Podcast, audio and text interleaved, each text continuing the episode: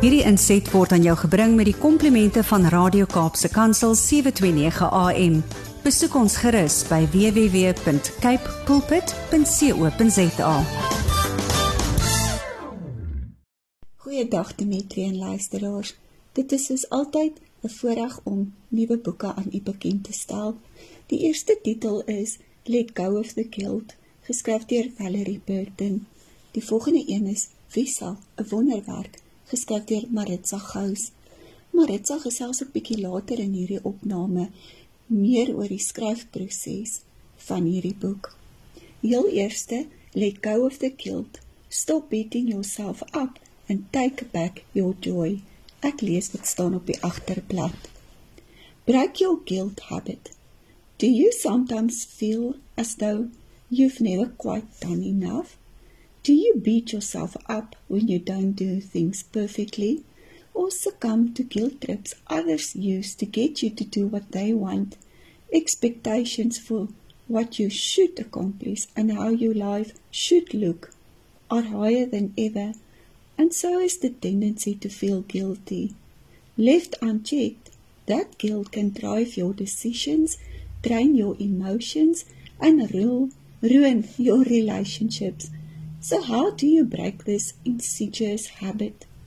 In Let Go of the Guilt, life coach and best selling author Valerie Burton teaches you a simple but profound method that frees you from the, she calls, the false guilt that is so common today. As you peel back the layers, you'll feel the burden lift, and that's when you make room for your authentic self. Through her signature self coaching process, powerful questions, and practical research, she shows you how to recognize and overcome the five thought patterns of guilt. Break the surprising habit that tempts you to choose guilt over joy. Stop guilt from sneaking its way into your everyday decisions and interactions. Flip those guilt trips so you can keep others from manipulating you and stop setting yourself up for stress, anxiety, and obligation, and instead set yourself for a life of joy and freedom. Valerie's journaling questions and insightful observations will shift your perspective, give you clarity and courage, and equip you with a plan of action to let go of the guilt for good. Valerie skryf in die um, voorwoord Good coaching creates powerful breakthroughs. For this book, I have developed a process for letting go of guilt by delivering the concept of coaching in writing. I have used this process myself and I have used it to help create breakthroughs for clients and women whose stories are shared in these pages. These breakthroughs empower them to finally let go of guilt that has plagued them for years and in some cases, decades. Just as important, letting go of guilt changes how they make decisions, communicate, and live their everyday lives. Of course, we are doing this in book form, and I am inviting you to coach yourself using the powerful questions I give you. I suggest you journal through your answers. Take out a notebook or open up your computer or even dictate into the notes app on your phone. Writing out your thoughts is much more powerful than trying to sort through them quietly in your head. Often we have so many thoughts at once that we lose some of them, and the ones we lose can be important pieces of the puzzle. Without keeping track of them, we lose that one piece that would help us make sense of it all. So while it's tempting to just read and think, I encourage you to read, think, and write down what you think if you really want to get the answers you need.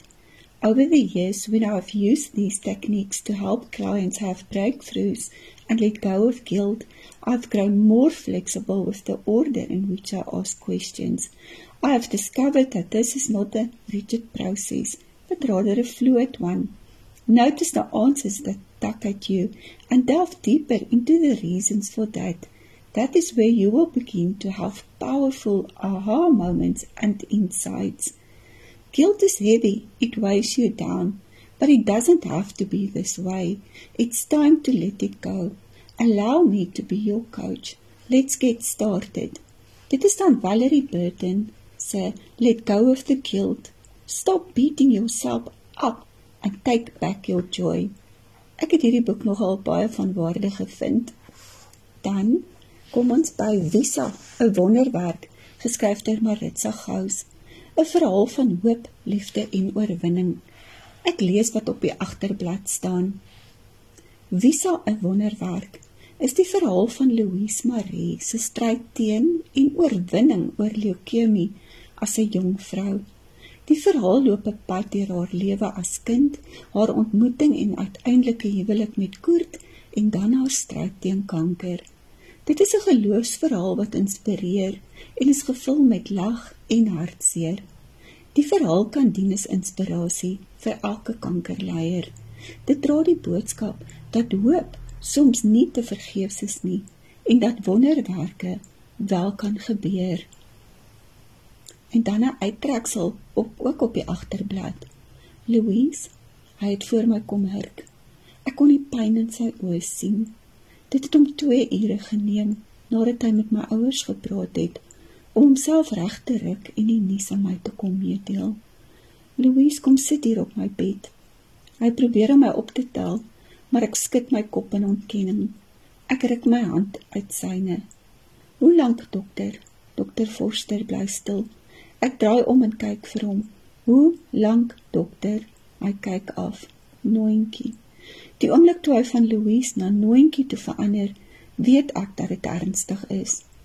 Nooitjie, jy het akute mieloblastiese leukemie, dis kanker. En ons kyk na 6 maande tot 'n maksimum van 10 jaar.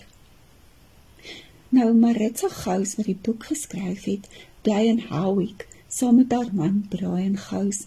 Hulle is 27 jaar getroud en het twee groot seuns en twee kleinkinders. Maritza besit 'n gimnasium en is 'n CrossFit vlak 1 afrigter. Sy is op deeltyds betrokke by haar kerk en by Bybelstudiegroepe vir vroue.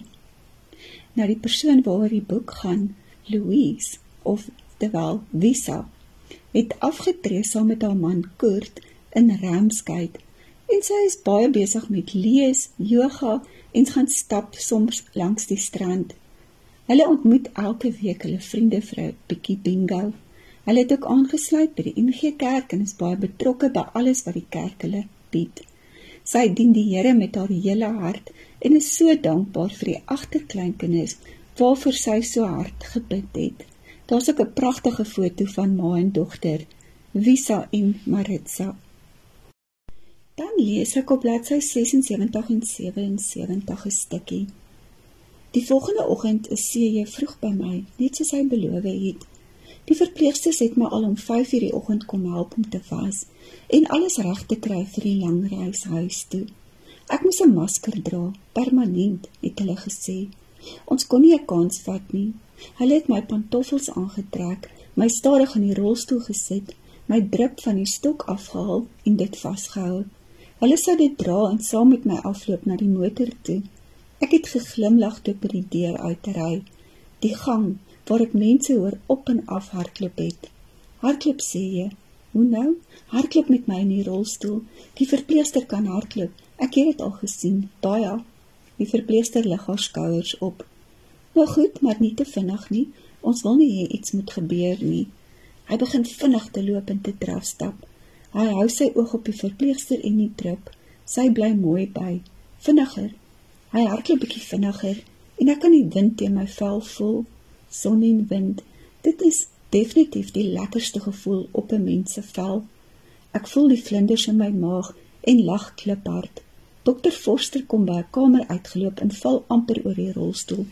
Stadig, stadig, wat se stytig is dit hierdie? Vra hy, maar ek kan sien hy wil glimlag. Dokter Forster, baie dankie. Hy maak sy keel skoon. Nee, dit is reg nooi, maar ek hou nie van die situasie nie. Jy is nou baie vatbaar. Ek gryp sy hand vas.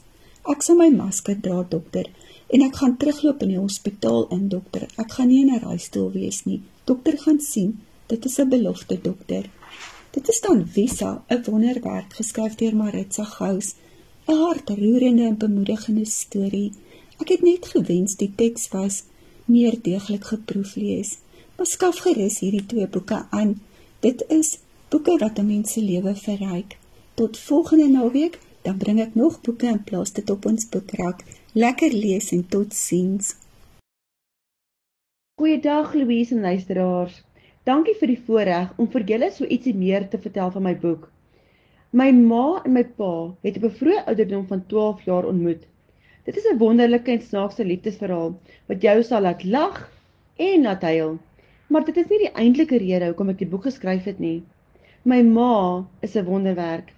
My ma het op 26 uitgevind dat sy akute myeloblastiese leukemie ontwikkel het en die dokters het haar net 6 maande gegee om te lewe. Ek, my boetie en my sussie was nog baie klein en my pa was in die polisie en by die grens in Windhoek gestasioneer. My ma was universiteit toe gestuur want dit was die Groot K Hospitaal destyds. Die storie het toe afgeloop hoe Amerikaanse dokters nuwe pille ontwikkel het vir die tipe kanker en hulle het toe Suid-Afrika toe gevlieg en my ma was die proefkonyn. My ma moes 'n bloedoortapping kry en daar was nie genoeg bloed vir haar nie en die stasiebevelvoerder van die Bloemfonteinse polisiestasie destyds het elke polisieman gestuur na die bloedbank toe om te gaan bloed skenk vir my ma. Die koerant het selfs 'n berig daaroor geskryf. My ma het erger geword en my ouers was baie stout en het 'n koorspen in yskoue water geplaas om die dokter te flous net sodat sy kon huis toe gaan. Maar toe gebeur iets vreesliks. Julle sal maar self die boek moet lees om te sien wat toe wat toe gebeur het. Die Here het dit op my hart geplaas om my ma se storie te vertel. Dit het my kindertrauma ligter gemaak want ek kan nog steeds die klank onthou van haar naels teen die gangmuur soos sy stadig afgeloop het. Sy het nie hare gehad nie en sy was brandmaar. Ek kan onthou hoe sy flou geval het en ons bediende op daai ou telefone die ambulans ontbied het. Dit is nie meer die groot K nie. Dit is nou 'n algemene K. Want so baie mense het kanker, maar baie mense het nie meer hoop nie. Die storie gee hoop. Dit is 'n storie van oorwinning en hoe die Here my ma gebruik het om mense na hom toe te lei. Die moeilikste mens van almal was my ma se pa, 'n bombastiese mens wat jou laat bewe in jou skoene. Hy het tot selfs my ma in 'n ander skool geplaas sodat sy nie my pa kon keis nie. Maar liefde oorwin alles. In die boek vertel my ma haar kant van hoe sy en my pa ontmoet het, die siekte en alles wat daarmee gepaard gegaan het, en dan ook vir my pa se kant af en alles waardeur hy gegaan het as 'n enkel ouer en hy moes sterk wees vir my ma. Jy gaan baie huil, maar jy gaan ook lag, maar jy gaan definitief geïnspireerd wees. Baie dankie. Hierdie inset was aan jou gebring met die komplimente van Radio Kaapse Kansel 729 AM. Besoek ons gerus by www.cape pulpit.co.za.